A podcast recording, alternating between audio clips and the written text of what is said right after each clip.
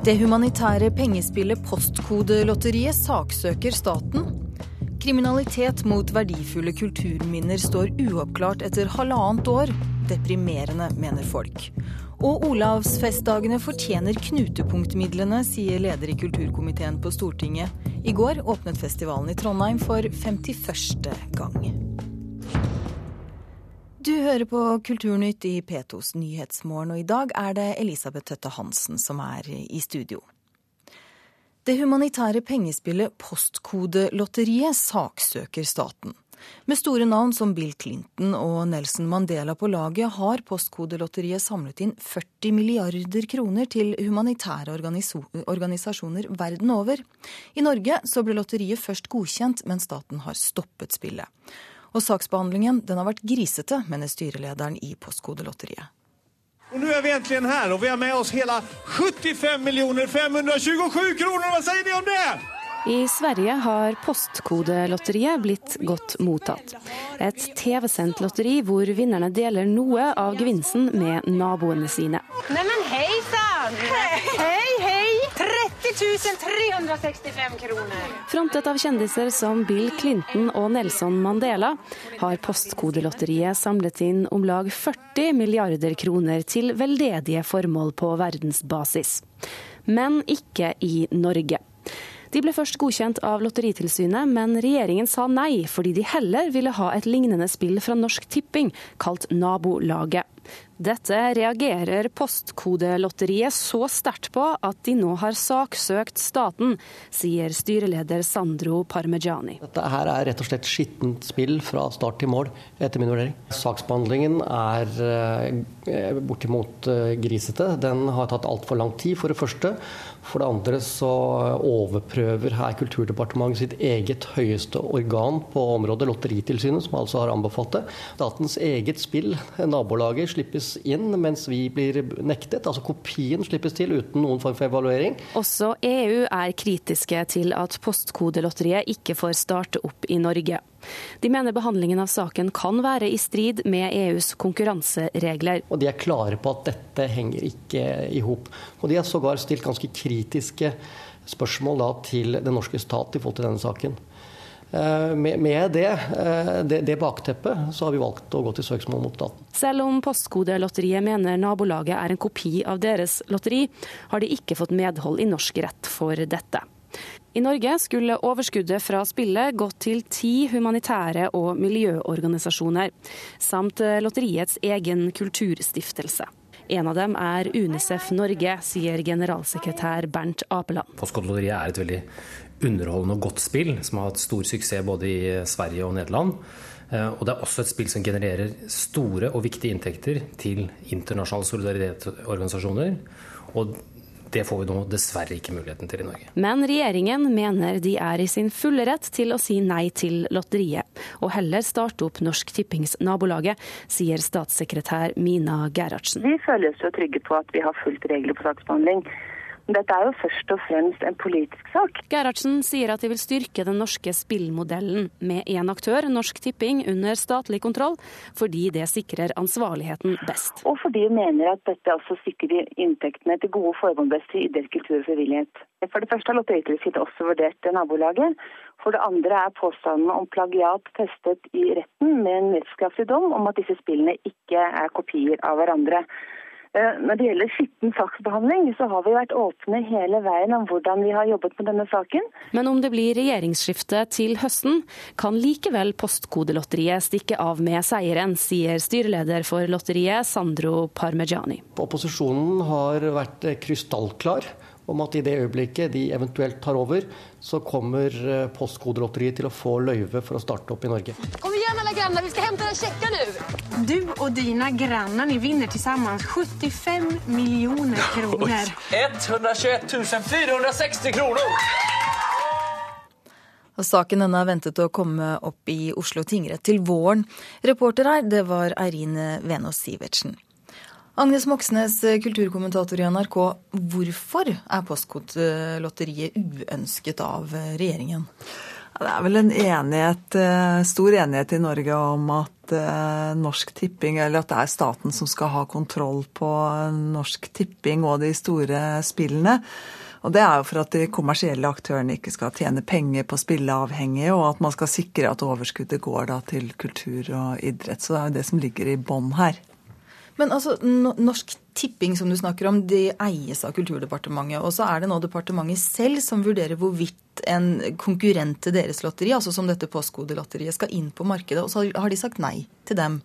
Hvor mye politikk mener du ligger i en sånn type avgjørelse da? Nei, Det er jo riktig som statssekretær Mina Gerhardsen sier, at dette er absolutt en politisk eh, avgjørelse. Det er Staten vil ha full kontroll på spillemidlene i, i Norge.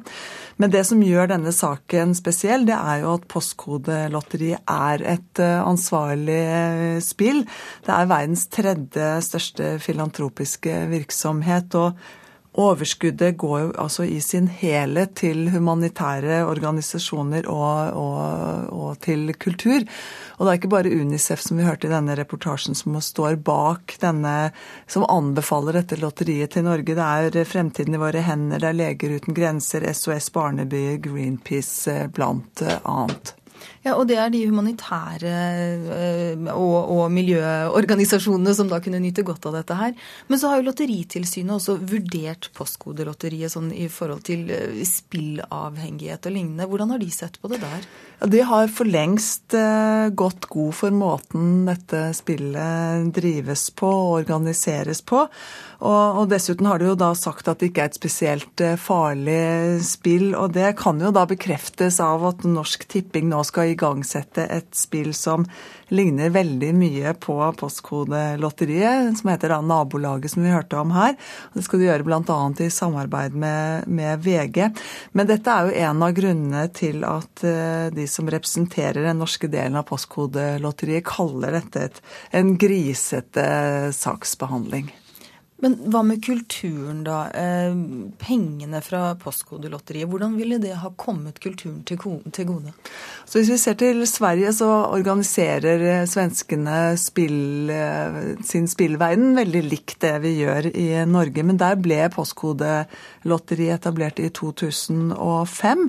Og nå deles det ut ca. 1 milliard kroner årlig til humanitære organisasjoner. Og av dem så bidrar da denne stiftelsen for Postkodelotteriet Postkodelotteriet med ca. 100 millioner kroner i året til kulturformål. Men, sånn, men her i landet, da, Altså, Norsk Tipping fordeler jo også sitt uh, overskudd bl.a. til kultur. Så spiller det egentlig noen rolle om det er det ene eller det andre, Norsk Tipping eller Postkodelotteriet? Ja, det er jo humanitære organisasjoner som har mest å, å, tjene på dette spillet. Men vi ser også i Norge at det er en del sånn sterke kulturpersonligheter som har gått ut og anbefalt at det lages et eh, kontrollert spill som er uavhengig av eh, Norsk Tipping.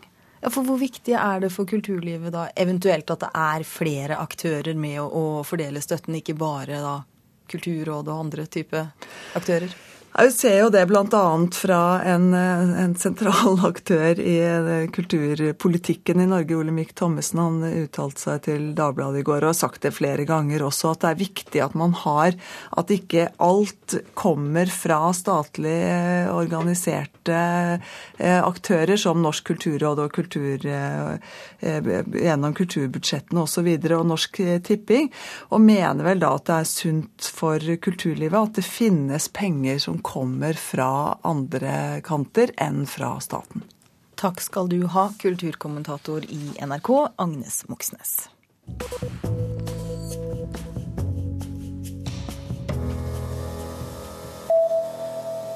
Forsvaret i New Zealand regner undersøkende journalister som en trussel mot rikets sikkerhet på linje med fremmed etterretning og terrorister. Det kommer fram i strengt hemmelige instrukser avisen Sunday Star Times har fått tilgang til. Forsvarsministeren innrømmer nå i dag at dette stemmer. En journalist skal ha blitt overvåket etter at han skrev ufordelaktig om New Zealands innsats i Afghanistan i et amerikansk tidsskrift, og det er nå satt i gang gransking av denne saken. Enkle samiske fraser bør bli en del av pensum i grunnskolen. Det mener sametingsrepresentant Vibeke Larsen fra Arbeiderpartiet. Nylig fikk Sametinget gjennomslag for at kunnskap om Norges, Norges fornorskingshistorie skal inn i læreplanene, og nå ønsker Ap-politikeren også at alle norske skoleelever skal lære seg litt samisk. Ene sier 'Hvor er baby?' svarer man tilbake 'Ikke latter'. Det betyr 'god dag', og den andre svarer tilbake 'Gud gir'. Enkle samiske fraser som å kunne si god dag og svare tilbake, er noe alle elever burde lære på skolen, mener Arbeiderpartipolitikeren. For det første så er jo samisk også et offisielt språk i, i Norge. Og vi vet jo selv når vi reiser ut til utlandet når man er på ferie, og sånne ting, så lærer man seg fort å hilse på det språket. Det viser respekt, vi får respekt tilbake, og det bygger broer mellom folk. Derfor syns jeg det er viktig at vi lærer oss å hilse og lærer oss noen enkle ord i den norske skolen. Reporter var Stine Hommedal. Og i dag starter rivingen av 120 bunkere langs vestkysten av Jylland. Miljøverndepartementet i Danmark mener bunkerne fra andre verdenskrig er en sikkerhetsrisiko og kan være livsfarlige for badegjester. Flere museumsdirektører og kulturforskere Berlingske Tidene har snakket med, mener dette er å rasere kulturminner.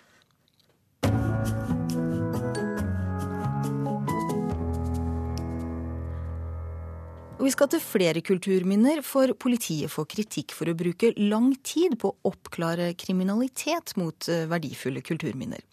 Snart ett og et halvt år etter at en runestein i Sogndal og et steinkors i Gulen ble ødelagt, har politiet fremdeles ikke avsluttet saken. Og tregt politiarbeid kan føre til ytterligere skader på middelalderklenodiene. Ja, så her ser vi jo eh, hvordan toppen er helt avslegen. ikke sant? Det står helt taggete i toppen. og og her er nå òg nokså løst, antageligvis, denne biten her. sant? Stein Bondevik ser på en ødelagt runestein fra mellomalderen. Det verdifulle kulturminnet ble knekt under snøbrøyting i fjor vinter, og den 900 år gamle runeinnskrifta ble skada. Du ser at um, her er det iallfall ei rune som er vekke her, og sikkert noen flere òg. Så det er, det, er, det er rett og slett deprimerende. Sørgelig. Det har gått snart ett og et halvt år siden Bondevik meldte brottsverket til politiet. Men politiet har fremdeles ikke konkludert med hvem som har skylda og hva straffa skal være. Nei, dette syns jeg er helt horribelt. For det, det, er jo slik at alle her i grenda, eh, vi vet jo hvem som har gjort det. Da har jo politiet et problem hvis de er omtrent de eneste som ikke vet det. Politiets lange sakshandsamingstid for runesteinsbrotsverket i Sogndal er ikke enestående. Noen mil lengre ut i Sognefjorden står et annet kulturhistorisk klenodium som ble ødelagt i fjor vår. I april i fjor skulle det felles noen tre for å verne om en nesten 1000 år gammel steinkross. Men ved en feil fall ei grein ned på krossen, som knakk i to. Økokrim er kopla inn i saka for å avgjøre hvem som har ansvaret, personen som hogg eller de som gav oppdraget. Heller ikke denne over ett år gamle kriminalsaka er oppklart. Jeg syns jo at det tar lang tid sier fylkeskonservator Eva Moberg. De siste 20 åra har kulturminneforvaltninga i Sogn og Fjordane meldt sju kulturminnebrottsverk til politiet. Politiet har i snitt brukt halvannet til to år på å oppklare disse sakene, sier Moberg. Vi håper jo nå at, eh, at det kommer en avgjørelse. Tregt politiarbeid øker faren for at de ødelagte kulturminnene skal få ytterligere skader og slitasje. Runesteinen i Sogndal har til dømes fått lange sprekker som gjør han særlig utsatt for frostsprenging. I Gulen har politiet ennå ikke frigitt steinkrossen for utbedring. Fylkeskonservator Moberg skulle gjerne komme raskere i gang med reparasjon. Det er jo ikke noe, noe godt signal eh, i forhold til at dette faktisk er helt unike kulturskatter som eh, vi som eh, samfunn plikter å ta godt vare på. Jeg eh, kan ikke annet enn å gi henne eh, rett i at, eh, at, dette bør gå fortere. Sier konstituert politimester i Sogn og Fjordane Ronny Iden, som har ansvaret for at runesteinsbrottsverket i Sogndal ennå ikke er oppklart. Politiet bruker kortere tid nå enn før på å oppklare kriminalitet generelt, men det gjelder ikke brudd på kulturminnelova. Denne typen kriminalitet blir nedprioritert, sier Iden. Det er jo hele tiden sånn at det begås alvorlig kriminalitet. Det være seg eh, narkotika, tyveri, vold, sedelighet. Og slike saker har en tendens til å bli, bli prioritert høyere. Sånn sett så er det ikke noe galt med den overordnede prioriteringen, men det er klart det at når ting tar så lang tid som i denne saken, som ble jo bokstavelig talt snøen som falt i fjor, så er ikke det godt nok. Politiet kan fremdeles ikke si når steinkrossbrottsverket i Gulen blir ferdig handsama. Men en konklusjon i runesteinsaka er venta etter sommeren. Hvis ikke noe blir gjort voldsomt snøkt, altså, så eh, kommer det vann i her nå, så fryser det denne biten detter ut eh, nokså fort. I Sogndal er Stein Bondevik redd for én ting, at de ansvarlige ikke skal bli straffa. Tiden går og tiden går og tiden går, og så blir anmeldelsen lagt til CS. Reporter her, det var eh, Noralv Pedersen. Klokka den har blitt 18,5 minutt minutter over åtte. Du hører på Kulturnytt i P2s Nyhetsmorgen, og her er de mest aktuelle sakene i nyhetsbildet akkurat eh, nå. 38 mennesker er bekreftet døde, og ti er skadet etter at en buss kjørte av veien i Italia. Mange av de døde er barn. I veibanen ved ei bru mellom Napoli og Bari ligger flere titalls menneskekropper med et hvitt laken over seg. 30 meter nedenfor veibanen, under ei bru, ligger bussen som de var passasjerer i. Bussen er knust, taket er borte, og i bekken som sildrer i bunnen av juvet, ligger busseter og bagasje strødd utover. Sa utenriksmedarbeider Vegard Kjørholm. Annenhver mor blir selv syk når barnet sliter psykisk. Hvert femte norske barn får psykiske problemer, og ofte bekymrer mor seg syk, mens far blir lite påvirket. Det viser ny forskning. Og renta blir trolig uendret til høsten. Årsaken er at krona har svekket seg kraftig. Så skal vi til Trondheim, for over 1500 pilegrimer fra hele Europa kom til Nidarosdomen i går kveld. For 51. gang arrangeres Olavsfestdagene, som er Norges største kirkemusikkfestival, i Trondheim.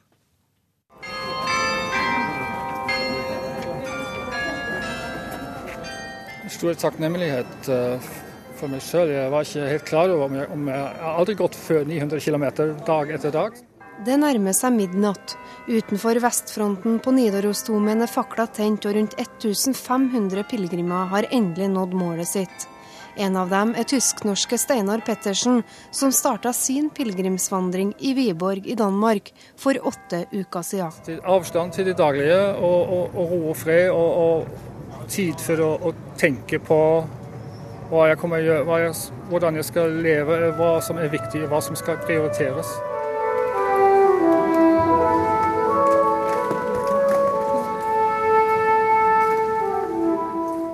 Pilegrimene kommer til Nidarosdomen for å delta i gudstjeneste, som er en åpning av det hellige døgnet. 29. juli, selve Olsokdagen, da Olav den hellige falt i slaget på Stiklestad. Men pilegrimene kommer også til Trondheim for å oppleve Norges største kirkemusikkfestival.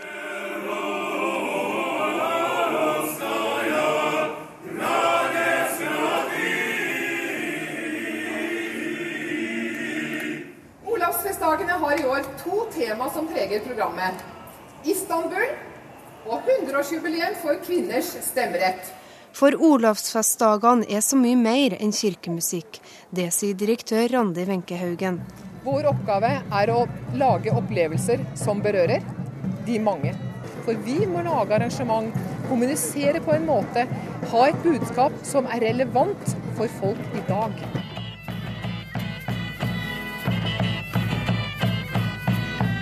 Olavsfestdagene samler nær 200 000 besøkende og har fått en omsetning på nær 34 millioner kroner i året.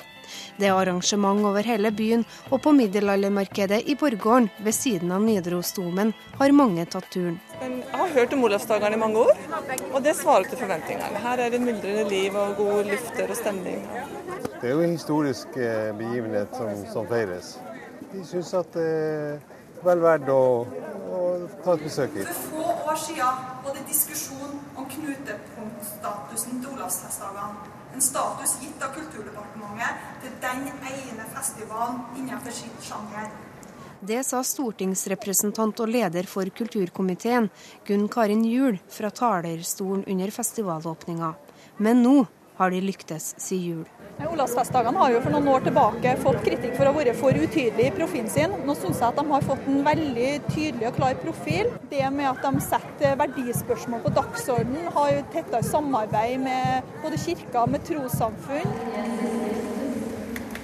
Denne kvelden har vi kommet til katedralen fra alle indre Inne i Nidarosdomen er mange telys tent, og pilegrimene har samla seg. Berit Lånke, leder for Det nasjonale pilegrimssenter, sier at hvert år kommer det flere og flere pilegrimer. Jeg tror at det kan komme til å bli et rekordår. Det er for tidlig å telle ennå.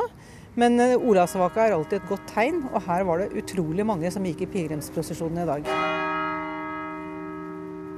Jeg kan slappe av, og jeg, eh, jeg, jeg kom til ro med, med meg sjøl, rolig og fredelig. og Nå skjønner jeg hvorfor jeg har gjort alt dette. og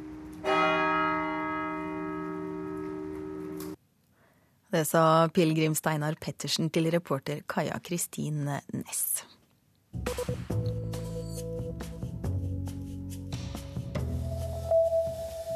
Pepperkakebyen i Bergen kan få permanent opphold i bankhvelvet i DNBs tidligere lokaler. Bergen sentrum AS er nå i samtaler med eieren av bygget som vil søke om bruksendring av den gamle banken. Pepperkakebyen ble rasert da den sto utstilt på Torgallmenningen i 2009, og forhåpentligvis så kan verdens største pepperkakeby være på plass i tryggere omgivelser allerede til jul i år, skriver eh, Bergenstidene. Og en kinesisk eh, entreprenør vil gjenoppbygge Londons legendariske glasspalass. Crystal Palace ble opprinnelig bygget i Hyde Park for å huse 14 000 utstillere under den aller første verdensutstillingen i 1851. Og byggverket ble senere flyttet til Sør-London, der det ga navn til en ny bydel og et fotballag, før det så ble ødelagt av brann i 1936. The Evening Standard skriver at det foreløpig er uklart hva entreprenøren ønsker å bruke bygget og parklandskapet rundt til.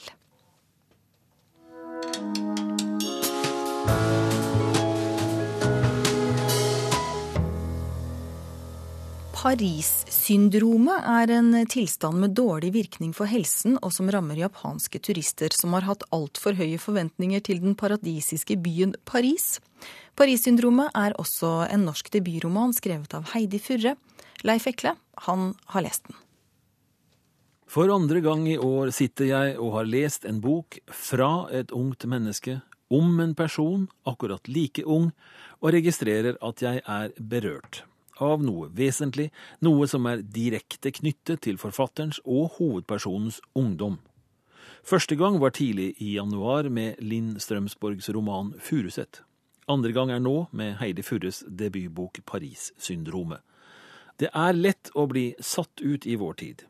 Det unge menneskets forventninger til det livet som skal komme etter barndom og ungdomstid er, eller skal være, så svære mens vi andre, samfunnet, forventer så mye lykke av den som skal legge ut. Mulighetene, mulighetene, de er så mange og store. Heidi Furres hovedperson befinner seg i første halvdel av 20-årene. Akkurat hva hun har gjort i Oslo før hun reiser sin vei, er ikke aldeles klart, men det faktum at han mistet interessen for henne, er én viktig årsak til en uro som utløser reisen. Til Paris for et år. Mest definerte plan, kanskje den eneste, er å lære fransk. Så hva har vår hovedperson med Paris-syndromet å gjøre? Dette syndromet som, hvis det ikke er en urban myte, rammer japanske turister som kommer til Paris og blir grunnleggende skuffet over at byen ikke er det de trodde, og som fører til at den japanske ambassaden i byen opprettholder en døgnåpen telefonlinje for de fortvilte, og sender et tjuetall av dem hjem hvert år, rammet av syndromet. Det dreier seg om forventninger, altså. Men har jenta i Paris mange av dem? Utover å skape seg et annet liv, eller nullstille det hun har, hvilket ikke er så lite når en tenker etter. Det hender ikke så mye i denne fortellingen, den er rett og slett ganske stillestående i en hverdagslig forstand, der jenta tråkker og går rundt i Paris, ser på det man skal se på, kjører metro, sliter med fransken, får jobb som barnevakt for en amerikansk familie, og aller mest får noen nye venner, nære venner, til og med franske og japanske. Vennskapene blir bærebjelken i denne boken og i denne jentas utsatte liv i fremmed by. Hennes evne til å få venner, ikke minst til å være venn, redder henne fra å fortvile helt, fra angstanfall, hjelper henne til å holde fast. Det slår meg at denne fortellingen om jenta i Paris er noe av det finere jeg har lest om vennskap på en stund, og det mellom jenter. At dette fungerer godt, har utvilsomt noe med språk å gjøre.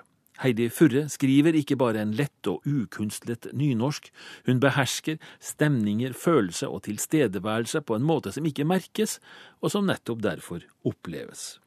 Evnen til å formulere klare og slående setninger er betydelig, det være seg tristesser om tapt kjærlighet, eller tanker om menneskelig eksistens i den helt store sammenhengen. Heidi Furres Paris-syndromet er altså en debutroman som skaper forventninger også fordi det er en fin roman om byen, det forunderlige stedet, Paris. Ja, Det sa litteraturkritiker Leif Ekle om boka 'Paris-syndromet', som også er skrevet av Heidi Furre. Kulturnytt er eh, snart slutt for denne gang. I eh, morgen, eh, morgenens sending så har vi fortalt at det humanitære pengespillet Postkodelotteriet saksøker staten. Lotteriet ble først godkjent, men regjeringa sa nei fordi de heller ville ha Norsk Tippingslotteri, kalt Nabolaget. Du har også hørt at politiet får kritikk for å bruke lang tid på å oppklare kriminalitet mot eh, verdifulle kulturminner. Og så har vi fortalt at Olavsfestdagene i Trondheim er i gang for 51. gang. Produsent i dag, det var Halvor Haugen. Tekniker heter Lars Tronsmoen, og i studio har Elisabeth Tøtte Hansen sittet.